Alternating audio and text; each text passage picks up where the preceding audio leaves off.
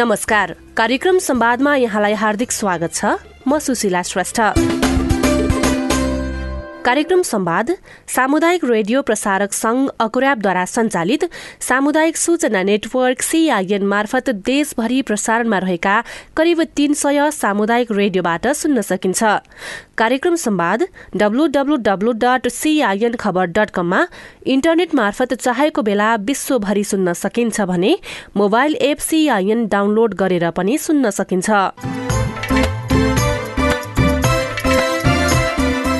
World vision international नेपालसँगको सहकार्यमा तयार पारिएको यो कार्यक्रम बालविवाह लगायतका हानिकारक परम्परागत अभ्यासहरूको अन्त्यका लागि भइरहेका प्रयासमा केन्द्रित रहनेछ।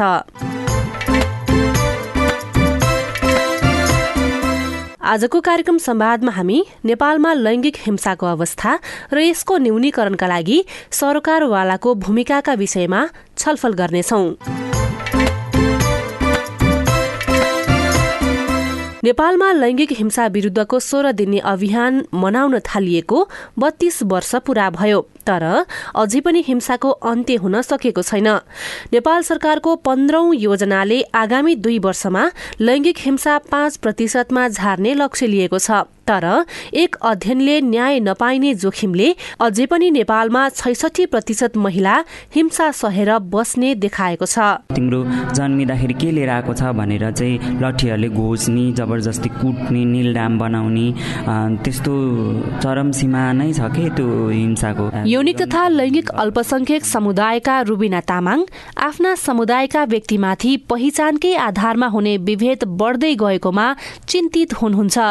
नील हेरा समाजको तथ्याङ्क अनुसार अहिले पनि नौ सय भन्दा बढ़ी हिंसाका उजुरी विभिन्न सरकारी निकायमा थन्किएको छ। तर हिंसाको सुनवाई भने समयमा हुने गरेको छैन। अब त्यतिखेर दस वर्ष पहिलाको केस अहिले आएर उहाँहरूले कल गर्नुहुन्छ। अब त्यो भिक्टिम नै कहाँ पुगिसक्छ? आफूलाई गाह्रो नभइकन कोही पनि त्यो उजुरी गर्न जाँदैन होइन?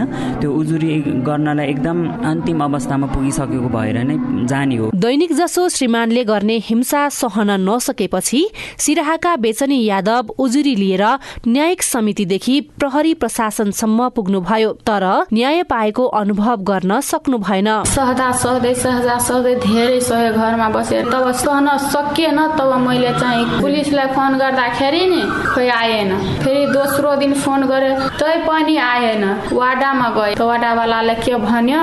ल ल ठिकै छ म सम्झाइदिन्छु। कसले सम्झाउँछ र फेरि जस्ताको त्यस्तै गर्न थाल्यो। महिला पुनस्थापना केन्द्रमा मात्रै एक वर्षमा एक हजार आठ सय तेह्र लैङ्गिक हिंसाका उजुरी दर्ता भएको छ जसमा महिलामाथि हुने घरेलु हिंसा सबैभन्दा बढी छैसठी प्रतिशत रहेको छ। अनौपचारिक क्षेत्र सेवा केन्द्र इन्सेकले पछिल्लो दस वर्षमा अभिलेख गरेका लैङ्गिक हिंसा मध्ये उनपचास प्रतिशत महिला अधिकार उल्लङ्घनसँग सम्बन्धित रहेका छन्। यस वर्ष इन्सेकले अभिलेख गरेका मानव अधिकार उल्लङ्घनका घटना मध्ये साठी प्रतिशत घटना महिला हिंसाका छन्। यसले नेपालमा लैङ्गिक हिंसा वार्षिक रूपमा बढ्दै गएको देखाउँछ। राष्ट्रिय महिला आयोगको तथ्याङ्कमा पनि लैङ्गिक हिंसाका घटना बढ्दै गएको छ। आयोगका प्रवक्ता समिला भट्टराई। केन्द्रमा मात्र महिला आयोग छ राष्ट्रिय महिला आयोग। सातै प्रदेशमा राष्ट्रिय महिला आयोग हुनुपर्छ। सतहत्तरै जिल्लामा महिला आयोगका कार्यालयहरू भइदियो भने चाहिँ हिंसा पीडितले केन्द्रमा मात्र आउनुपर्ने दुःख हुँदैन थियो। उहाँहरूका गुनासो तत्त निकायमा सुनाइ हुन्थे। इन्सेको लैङ्गिक हिंसाको विश्लेषणात्मक अध्ययन प्रतिवेदनले लैङ्गिक हिंसामा परेका बाइस प्रतिशत महिलाले मात्रै सहयोग लिन तत्परता देखाउने गरेका छन् भने छैसठी प्रतिशत महिलाले कसैलाई नभनी हिंसा सहेर बसेको देखिन्छ। न्यायको सरल पहुँच नहुनु तथा न्याय प्रक्रिया नै लामो हुनुले पनि महिलाहरू हिंसा विरूद्ध बोल्नुभन्दा सहेर बस्ने गरेका छन्। मानव अधिकार आयोगका मानव अधिकार अधिकृत कल्पना आचार्य। कतिपय उजुरीहरू आउनै पाउँदैन जस्तै गाउँमै मिलापत्र गरिदिने गाउँको समूह हुने रहेछ के त्यो? भित्रै मिलापत्र गराउने बाहिर चाहिँ ल्याउनै नदिने। जो पीडक छ पीडकलाई पनि प्रोटेक्ट गर्ने के? मेन च्यालेन्ज जो छ।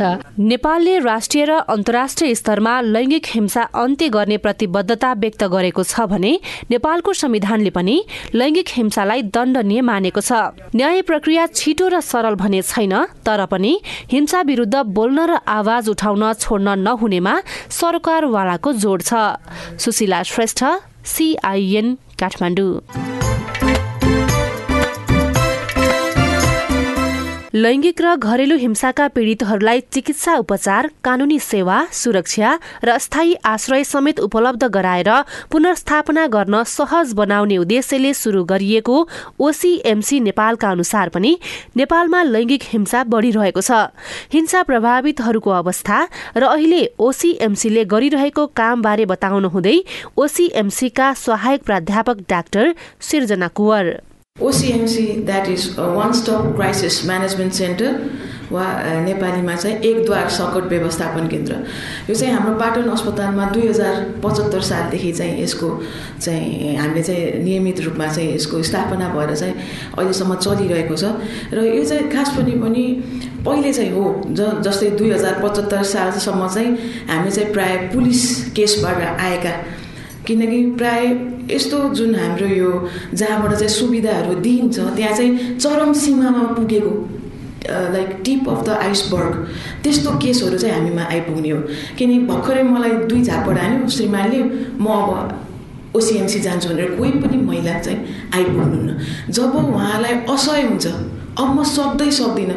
भनेर जुन हिंसाको पनि एकदम चरम सीमामा पुगेपछि मात्र हाम्रो यस्तो व्यवस्थापनबाट चाहिँ उहाँहरूले सुविधा लिनु लिनुहुन्छ। भनेपछि सानोतिनो झगडा वा हिंसालाई चाहिँ उहाँहरूले हिंसा मान्नु हुँदैन।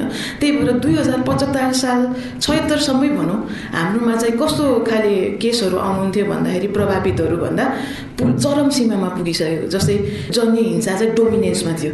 जस्तो महिलाहरूमा जसमा चाहिँ यो जबरजस्ती करनी वा जबरजस्ती करनीको उद्योग होइन? यस्तो अभद्र व्यवहार यस्ता केसेसहरू मात्रै हाम्रोमा चाहिँ आइपुग्ने गरेको थियो। तर अब चाहिँ जनमानसमा हाम्रै महानगर नगरपालिकाबाट चाहिँ महिला विकास शाखाको चाहिँ एकदमै उहाँको चाहिँ म चाहिँ जहाँ पनि यो चाहिँ मेन्सन गर्न बिर्सिन्न।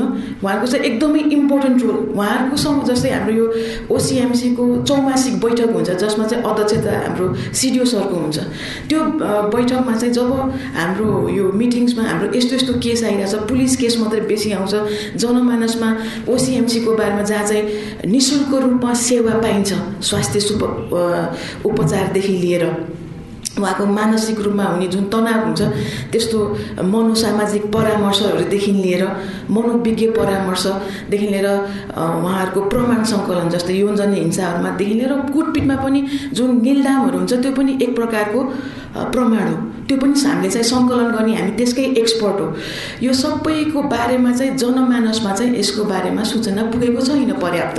महानगरपालिकाले पनि यसमा चाहिँ हामीलाई धेरै नै सहयोग गरेर चाहिँ अहिले स्वयं पनि अहिले जुन दुई हजार सतहत्तरको एन्डदेखि चाहिँ स्वयं आफै पनि यसको बारेमा थाहा भएर चाहिँ उहाँहरू चाहिँ हाम्रो ओसिएमसीको सेवा लिन चाहिँ आउनुभएको छ। त्यस्तै अहिले चाहिँ महानगरपालिकाकै हेल्पमा पनि र अरू कम्युनिटीको कमिटीको हेल्पहरूबाट चाहिँ कम्युनिटी लेभलमा चाहिँ हामीले गएर चाहिँ ओसिएमसी हिंसा भनेको यस्तो हो।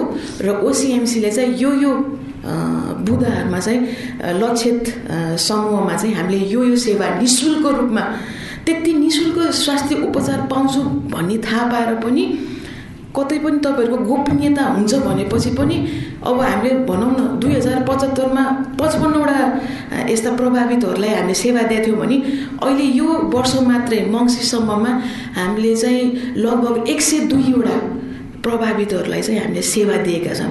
पहिला यौन जिन जन्य हिंसा मात्रै डोमिनेन्स थियो भने अहिले चाहिँ घरेलु हिंसामा पर्नेहरू शारीरिक हिंसा मानसिक हिंसा यसमा पनि चाहिँ यस्तो केसेसहरू पनि हामीमा आउने गरेको छ। जस्तै तपाईँले सेफ होमहरूको पनि कुरा गर्नुभयो।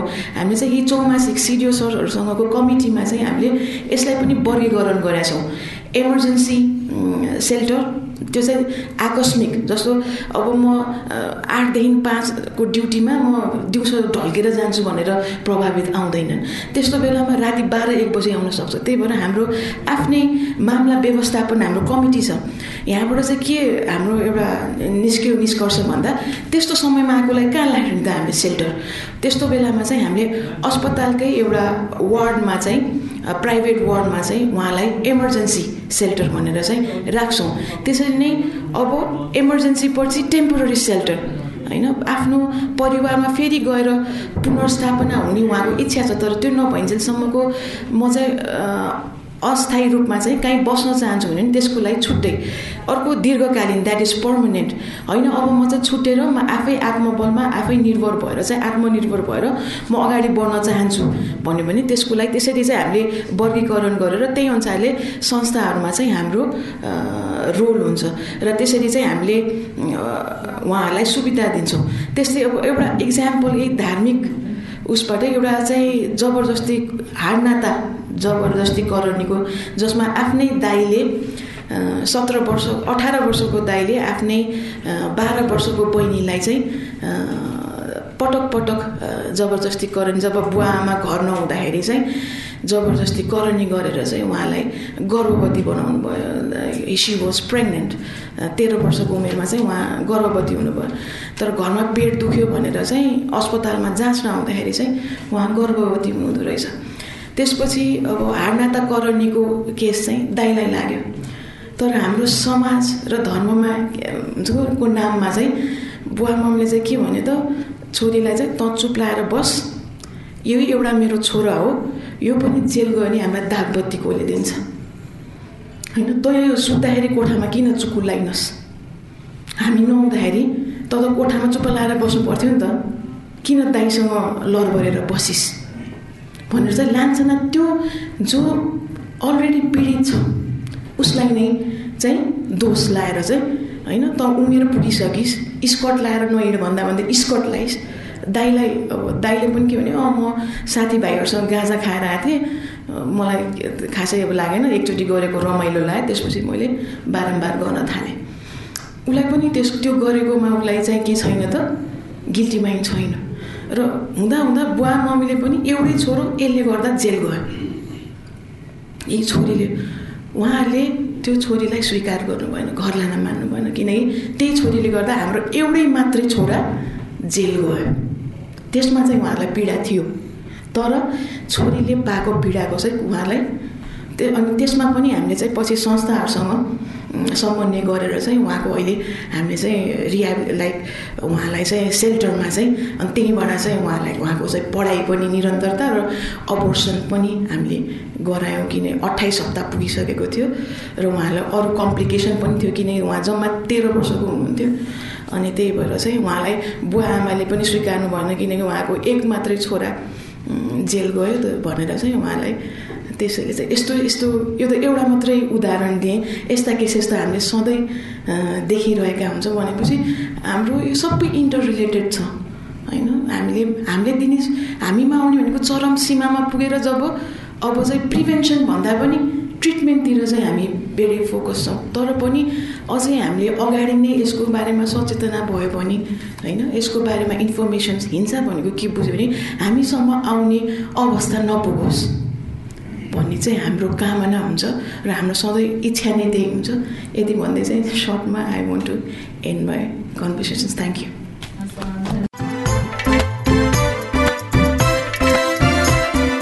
तपाईँ अहिले साप्ताहिक रेडियो कार्यक्रम संवाद सुनिरहनु भएको छ। वर्ल्ड भिजन इन्टरनेशनल नेपालसँगको सहकार्यमा सीआईएनले तयार पारेको यो कार्यक्रम बालविवाह लगायतका हानिकारक परम्परागत अभ्यासहरूको अन्त्यका लागि भइरहेका प्रयासमा केन्द्रित रहेको छ। कार्यक्रममा अब भने लैङ्गिक हिंसा अन्त्यका लागि मानव अधिकार आयोगले गरिरहेको प्रयास। गत हप्ता काठमाडौँमा आयोजित एक कार्यक्रममा मानवाधिकार आयोगका लैङ्गिक हिंसा उजुरी फोकल पर्सन एवं अधिकृत कल्पना आचार्यले आयोगले पनि लैङ्गिक हिंसाको उजुरीलाई गहन रूपमा लिएर हिंसा प्रभावितको न्यायमा सरल पहुँचका लागि काम गरिरहेको बताउनुभयो। पक्कै पनि म्यामले पहिल्यै भनिसक्नु भएको छ धेरै भूमिका बाँध्नु परेन। मानव अधिकार आयोग एउटा संवैधानिक निकाय। मानव अधिकारको संरक्षण र सम्वर्धन त्यसको प्रभावकारी कार्यान्वयन गर्नको लागि र राज्यलाई उत्तरदायी बनाउनको लागि जहिले पनि खबरदारी गर्ने एउटा निगरानीकर्ताको रूपमा रहेको छ पहरेदारी को रूपमा रहेको छ। यसले मान्छे भएर मान्छेले पाउने जुन जन्मसिद्ध नैका नैसर्गिक अधिकार हो त्यो सम्मानित र मर्यादित रूपमा बाँच्न पाउनु पर्यो। राज्य अभिभावक हो सम्पूर्ण मानवले चाहिँ एउटा सम्मानित जीवन मर्यादित स्वतन्त्र भएको जीवन बाँच्न खुसी भएको जीवन बाँच्न पाउने बाटो चाहिँ क्रिएट गरिदिनु पर्यो भन्ने नै हो। त्यही राज्यलाई एकाउन्टेबल बनाउने विषयमा चाहिँ आयोगले के गरिरहेको छ?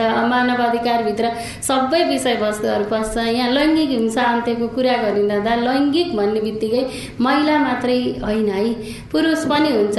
त्यो पुरुषभित्र त्यहाँभित्र पनि ज्येष्ठ नागरिक हुन्छ बालक हुन्छ बालबालिका हुन्छ महिलाभित्र पनि विविधता छ अपाङ्गता भएका महिला होला होइन? पिछडिएका महिला होला गरिब महिला होला सीमान्तकृत होला दलित महिला होला आदिवासी जनजाति महिला होला यी महिलाहरू अहिले हाम्रा यहाँ उदाहरण दिइराख्नु भएको छ। यहाँ सबै बोलिराख्नु भएको छ। हामी कुन ठाउँमा छौँ र कस्तो ठाउँमा छौँ भन्ने कुरा एकदम काली लाग्दो छ। भर्खरैको अहिले जजको कुरा गरिरहँदा नाता करौडीभित्रको कुरा गरिरहँदा हाम्रो सिचुएसन कहाँ छ र हामी कतातिर छौँ भन्ने पनि हामीलाई नै आफै मनन गर्ने अवस्था आइरहेको छ। आयोगले के गरिरहेको छ भन्ने कुरामा चाहिँ आयोगले वर्षैभरि यी विषयहरूलाई उठान गरिरहेको छ आयोगको प्रदेश कार्यालयहरू छ प्रदेश शाखा कार्यालयहरू छ हामी विभिन्न महासन्धिहरूको पक्ष राष्ट्र भएका छौँ। सिड सिआरसी होइन?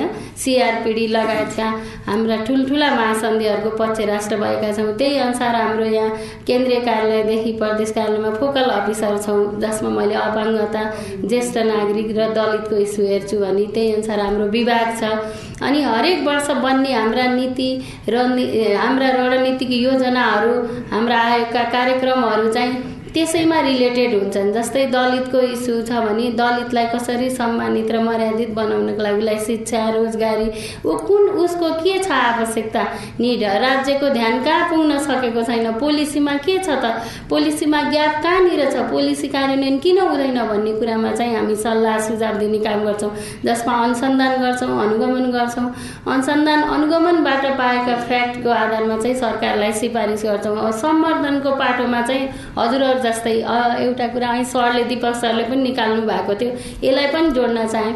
सम्वर्धनको पाटोमा चाहिँ हामी एनजिओ आइएनजिओ सरकारी गैर सरकारी निकाय विभिन्न जाति निकायहरूसँग पनि कोलाबोरेसन गरेर हामीसँग समन्वय निर्देशिका दुई हजार उनसत्तरी छ। त्यसमा हजुरहरूले डिटेल हेर्न सक्नुहुन्छ हाम्रो वेबसाइटहरूमा गएर। समन्वय सहकार्यमा त्यस्ता गोष्ठी कार्यशालाहरू अनि अन्तर्क्रिया छलफल बहस पौरवीहरू गर्ने अनि त्यस्तै गरी हाम्रा विभिन्न प्रकाशनहरू प्रतिवेदनहरू प्रकाशन गर्ने अनुसन्धान गर्ने काम पनि गर्छौँ। यहाँहरूले पनि हामीसँग जोडिएर हाम्रो जुन निर्देशिकाले दिएको मापदण्ड अनुसार आफ्ना कार्ययोजना बनाएर फलो गरेर आउनु भने हामी जोडिन सक्छौँ गरिरहेका छौँ। जस्तै हामी त्यो ग्रासरुट लेभलमा पनि हामी पुगेका छौँ जहाँ आवाज छैन आवाजबिनहरूको आवाज दिनको लागि। अनि त्यो ठाउँमा आमासम्म हाम्रा जति पनि एनजिओ सिबिओजहरू छन् उहाँहरूसँग पनि जोडिएका छौँ। म उहाँहरूलाई पनि के भन्न चाहन्छु भने हामी सबै आफ्नो ठाउँबाट काम त गरिरहेका छौँ। अति धेरै हाम्रा सङ्घ संस्थाहरू छन् तर पनि पीडा जैको चाहिँ छ जस्तो लाग्छ हाम्रा डाटाहरू हेर्दाखेरि। जस्तै अब बलात्कारका केसहरू दिन प्रतिदिन बढ्दै जानु आफ्नै नातेदार आफ्नै घर परिवार आफन्तीबाट छोरी चेलीहरू असुरक्षित हुनु। यस्तो घटनाहरू यी तथ्यहरू प्रहरीका तथ्याङ्कहरू हाम्रा रिसर्चहरू यिन त प्रतिनिधिमूलक मात्रै हुन्। यही हामीसँग सर हुनुहुन्छ। मिडियाहरू पनि यस्तो खोजमूलक मिडिया हुनु पर्यो खो जहाँ ती ठाउँका निड एसेसमेन्टलाई उठान गरेर लिआएर राज्यलाई एकाउन्टेबल बनाउन। राज्य तिमीले यो ठाउँमा ध्यान दिएको छैनौ है। तिम्रो पोलिसीमा यहाँ ग्याप छ। तिमीले यी समस्या सम्बोधन गर्न सकेनौ। तिम्रा बन्ने योजनाहरू कार्यक्रममा यी विषयवस्तुलाई सम्बोधन गरेनौ। लैङ्गिक हिंसाको बहसलाई सवाललाई लिँदा सम्बोधन गर्न सकेनौ। बजेटमा यहाँ यहाँ ल्याकिङ छ भने हामी त यो खोज मिडिया पनि दूर दराजसम्म छ नि त यसको च्यानल छ नि त। अब हाम्रो आएको पनि च्यानल छ अन्तर्धार्मिक सञ्जाल पनि हाम्रो गाउँ गाउँ पुगेको छ होइन? अनि हाम्रो सबै म्यामहरू जस्तै महिला आयोग छ हाम्रो मन्त्रालय नै छ। यति धेरै एनजिओहरू गाउँ गाउँमा छन् भने सबैले आफ्नो सेक्टरमा छ अथवा कोअर्डिनेसन गरेर एउटा रिसर्च गरेर विथ फ्याक्ट हामीले गभर्मेन्टलाई एकाउन्टेबल गराउने काममा पनि हामी लागौँ न। हामीले गरेको कामले वर्षमा आठजना दसजनाको लागि न्यायको अनुभूति दिलाउन सक्यौँ भने पनि हामीलाई चाहिँ त्यति बेला गौरव गर्ने ठाउँ हुन्छ। जस्तै अब अहिले गुरुहरूको पनि म के देखेँ भने हाम्रा स्कुल लेभलदेखि नै त्यो बाबुले बहिनीलाई बलात्कार गरिरहँदा उसमा गिल्टी फिल छैन भनेपछि हाम्रो अनुशासन हाम्रो सदाचारिता हाम्रो नैतिकता भन्ने कहाँ गयो? हाम्रो बच्चाहरूले के सिके के सिकाइयो? हाम्रो समाज कुन ठाउँमा छ? हाम्रो अभिभावकले के बुझे के बुझाइयो? यो त एउटा त प्रतिनिधिमूलक हो आफैलाई लज्जास्पद हुन्छ कि हामीले किन चिन्न सके? हाम्रो पनि त जिम्मेवारी हो। त्यो समाजलाई जुन शिक्षित बनाउने अवेरनेस क्रिएट गर्ने त हामीहरूको पनि जिम्मेवारी हो नि त। त्यहाँसम्म हामी किन पुग्न सकेनौँ? स्कुल स्कुलमा त्यस्तो कार्यक्रमहरू गरौँ। कमसेकम उनीहरूलाई झकझगाएर होइन है यस्तो गलत बाटोमा जानुहुन्न भन्ने हामीले चाहिँ गराउन सक्यौँ भने पनि हाम्रा धर्मगुरुहरू त हाम्रा मैले त धार्मिक उसलाई त के भन्छु? हाम्रा बलिया कानुन नै भन्छु। हाम्रा हिजोका अभ्यास प्रथा परम्पराहरू त अहिलेका कानुनबरु इम्प्लिमेन्टेसन हुँदैनन्। अझै पनि हाम्रो नस दिमागमा हार्डिक्समा के छ भने ओहो धर्ममा मैले यस्तो गरेँ भने के होला है भन्ने डर हुन्छ त्रास हुन्छ। गुरुहरू नै गएर बोलेर यस्तो गर्नुहुन्न यस्तो हो जस्तै गर्नु पनि भएको छ नगरेको पनि होइन। जब बाल विवाह न्यूनीकरणमा गरेका उदाहरणहरू नयदा म्यामले धेरै दिनुभएको थियो। अब जस्तै बोक्सी पर्सा छ दाइजो छ बा अनि त्यस्तै गरी दाइजो मात्रै होइन घरेलु हिंसा छ जघन्य अपराध बलात्कार छ। त्यो पनि कहाँ छ त? त्यही सीमान्तकृतमा त्यही पछाडि परेकोमा त्यही गरिब त्यही पिछडिएको त्यही अल्पसङ्ख्यक जहाँ शिक्षाको जति नै आधारभूत फन्डामेन्टल राइट्स जुन मानव अधिकारका दृष्टिबाट हेर्दाखेरि उसलाई घाँस बाँस कपासको हुनै छैन त्यो वर्गलाई उठाउनै सकेको नै।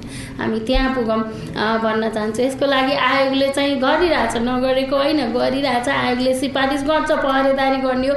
सिफारिस कार्यान्वयन गर्ने कुरामा गएर रोकिन्छ। त्यसको लागि पनि हजुरहरूको साथ र सहयोगको आवश्यकता छ जस्तै खोज मिडिया हामी सबै एनजिओ सिबिएज मिलेर किन गर्दैन भने हामी एक एकबद्ध भएर लाग्यो भने पक्कै पनि राज्यलाई एकाउन्टेबल बनाउन सक्छौँ। र राज्यलाई पनि हामीले उसले राज्य पनि उसलाई सपोर्ट गर्ने हो कि देखाइदिने हो कि यहाँ यहाँ ल्याकिङ देखियो है यहाँ यहाँ कमी कमजोर देखियो है यतातिर चाहिँ ध्यान दिनु पर्यो है भनेर खबरदारी गरिरह्यो भने ऊ उसले पनि आफ्नो जुन गर्नुपर्ने दायित्व पुरा गर्नेमा चाहिँ ऊ बाध्य हुनेछ। भनिन्छ पैँतिसजना छोराछोरी अथवा पन्ध्र बिसजना छोराछोरी भयो भने आमाले पनि कुन छोराछोरीले खायो भन्ने थाहा पाउँदैन अरे माग्न जानुपर्छ अरे अथवा भन्न जानुपर्छ अरे भन्ने हाम्रो आहा नै छ। त्यही भएर हामीले चाहिँ घचघचाउने अथवा उसलाई एकाउन्टेबल गराउने काममा चाहिँ हामी लागिरहँ एउटा कुरा यो सोह्र दिने अभियान मात्र होइन है। अब हामीले पनि पच्चिस नोभेम्बरको दिन सबै हाम्रा सङ्घ संस्थाहरूलाई बोलायौँ रिलेटेड अनि सेतो रिबन लगायौँ। यसरी सुरु भयो भनेर सुरुवात गऱ्यौँ होइन? सोह्र दिनभरि नै हाम्रो यो एउटा ऊ चलिरहन्छ क्या यो महोत्सव जस्तो चलिरहन्छ। दस डिसेम्बरको दिन हाम्रो भव्य ठुलो कार्यक्रम पनि हुन्छ। यहाँहरूलाई मैले यही फोरमबाट पनि निमन्त्रणा गरेँ प्रधानमन्त्रीको पनि उपस्थित हुन्छ। दुई बजे सुरु हुन्छ आउनु होला होइन? चलिरहन्छ यी ऊहरू गरि नै रहेका छौँ। यो चाहिँ हाम्रो तिन सय पैँसठी दिन किन नगर्ने? हाम्रो व्यवहारमा हाम्रा विचारमा चेन्ज ल्याउनु पऱ्यो हाम्रो घर परिवारमैबाट पनि गर्नु पऱ्यो अनि लैङ्गिक हिंसा भन्ने बित्तिकै त्यहाँ पुरुष पनि हुन्छ। अब एउटा पुरुष अपाङ्ग छ उसले गरी खान सक गर्न कमाएर ल्याउन सक्दैन। ऊ पनि हिंसामा परिरहेको हुन्छ हेला गरिरहेको हुन्छ। कमाउने छोरोलाई बढी चाहिँ बा आमाले माया गर्छ नि। यसले केही गर्न सक्दैन यो लामर्द स्वास्नी पाल्न सक्दैन। हाम्रो समाजले त्यस्तो शब्द दिन्छ विदेश जा ऊ ऊ पनि अथवा वैदेशिक रोजगारीमा गएर ऊ तातो खाडीमा उसले कति दुःख पाइरहेको हुन्छ गभर्मेन्टले त्यसलाई चाहिँ यहीँ युटिलाइज गर्न सकिरहेन रोजगारी दिन सकिरहेन। त्यस्तो छ भने एउटी बुढी आमा आमा अथवा बुवालाई घर परिवार छोराहरूले नहेरेर आश्रममा पुर्याउनु भएको हुन्छ। त्यो पनि यही लैङ्गिक हिंसाभित्र पनि। एउटा बालक राम्रोसँग हिँडेर अथवा नजिकको विद्यालय जान नपाएर तुइन चढेर घन्टौँ हिँडेर विद्यालय पुग्छ अथवा एउटी बालिका पुग्दा बाटोमै बलत्कृत हुन्छन्। राम्ररी पढ्न पाउने यी विषयवस्तु पनि लैङ्गिकभित्रै आउँछ होला। तर एभरेजमा चाहिँ धेरै चाहिँ महिला महिलाभित्र पनि सीमात पिछडिएका जनजाति अपाङ्ग दलित हुने हुँदा हामीले महिलालाई धेरै फोकस गर्छौँ डाटाहरू आउँदा तर हामी सँगसँगै हामी वी आर इक्वल हामीले चाहिँ पुरुष पनि त्यहाँ छ है थोरै भए पनि पुरुष पनि परेको छ है हिंसामा। पुरुषको नि पीडा छ है। अथवा हामी सबैजनाले अब सबैको इन्टेन्सन धर्मको इन्टेन्सन पनि सहिष्णुता सद्भाव सदाचारिता सब सबै खुसी हुने र सुखी हुने हो। हाम्रो मानव अधिकारको उद्देश्य पनि सबैले सम्मानित र मर्यादित तरिकाले जीवन जिउन पाउने हो। खोज मिडियाले पनि के गर्ने हो त? संविधान नेपाल खुसी नेपालीको लागि ल्याउनको लागि उसले त्यहाँ भएका कमी कमजोरीलाई उठान गर्दै सम्बोधन गर है यसलाई समाधान गर्दै गर भन्ने हो। अथवा महिला आयोगले त्यही महिलाको विषयवस्तुलाई उठाउने ओसिएमसीमा पनि अब त्यही अब सबैभन्दा दुःखको कुरो हामीकोमा उजुरी एकदमै कम पर्छ। पोहोर सालको एक सय छ्यासी थियो। अब हाम्रो अपरका ऊ राष्ट्रपतिलाई दस डिसेम्बरमा बुझाइन्छ। त्यसपछि भनौँ होला हेर्न सक्नुहुन्छ अहिले किन भनौँ होइन। त्यसमा पनि अपाङ्गता एकदमै पर्छ। महिला हिंसाको घरेलु हिंसा अलिअलि पर्छ होइन। त्यस्तै त्यस्तै गरी खासै उजुरी नै आउन सक्दैन। त्यो उजुरी आउन नसक्नुको पछाडि पनि के हामी त्यहाँसम्म पुग्न सकेनौँ कि बुझाउन सकेनौँ कि आफ्नो हक अधिकारको साँच्चीकै मलाई यहाँ छोएर भन्नु मन लाग्छ। आफ्नो छातीमा हात राखेर म यति गाउँ गाउँमा गएको छु उहाँहरूलाई आफ्नो अधिकारको बारेमा केही पनि थाहा छैन है। ज्येष्ठ नागरिकलाई नि थाहा छैन। महिलाहरू पनि यस्तो दिदीबहिनी हुनुहुन्छ तपाईँहरूलाई यति धेरै कानुन छन् यत्रो सुविधा अह त कहीँ कहीँ अलि सहर अलि विकसित भएको ठाउँमा आमासम्म दिदीबहिनीसम्म महिला बालबालिका छन् तिनी पनि गाइडेड छन् के? उनीहरूले आफूले भनेर चाहे अनुसार गर्नै पाउँदैनन्। जसले जे जे सिकाउँछ जति दात्री उसका राजनीतिक दलका ऊ जस्ता के बिचरा उनीहरूले आफ्नो स्वतन्त्र रूपमा आफ्नो आवाज उठाउन सक्दैन केही पनि थाहा छैन तर त्यो दूर दराजमा। यहाँ त अब हामी त धेरै सहरमा छौँ। हामी सबै पढे लेखेको वर्ग छ। यहाँहरूलाई सबै बुद्धिजीवी हुनुहुन्छ। यस्तो यहाँहरूलाई त सुनाउन नपर्ला। तर त्यो ठाउँमा हामी पुगौँ त्यहाँका पीडाहरूलाई चाहिँ हामीले सम्बोधन गर्ने किसिमले एकबद्ध भएर हामी लागौँ।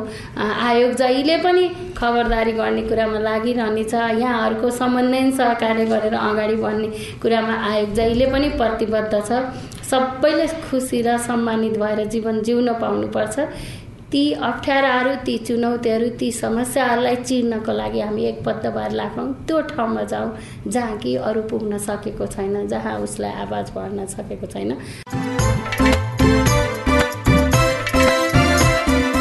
यो सँगै हामी कार्यक्रम संवादको अन्त्यतिर आइपुगेका छौं।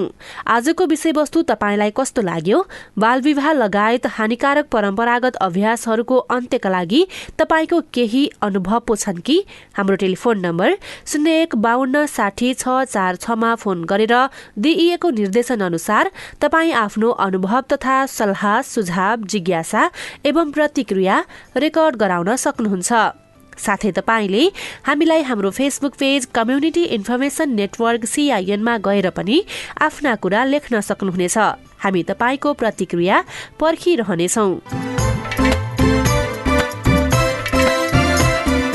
वर्ल्ड भिजन इन्टरनेसनल नेपालसँगको सहकार्यमा सिआइएनले तयार पारेको कार्यक्रम संवादबाट प्राविधिक साथी सुरेन्द्र सिंहसँगै म सुशीला श्रेष्ठ पनि विदा हुन्छु। नमस्कार।